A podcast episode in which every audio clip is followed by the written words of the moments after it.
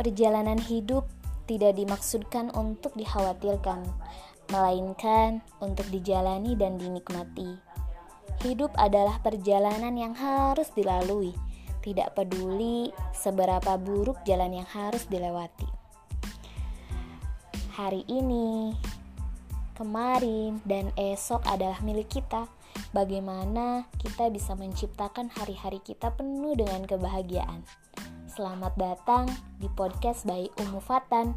Semoga setiap kutipan hikmah bisa bermanfaat untuk kita semua.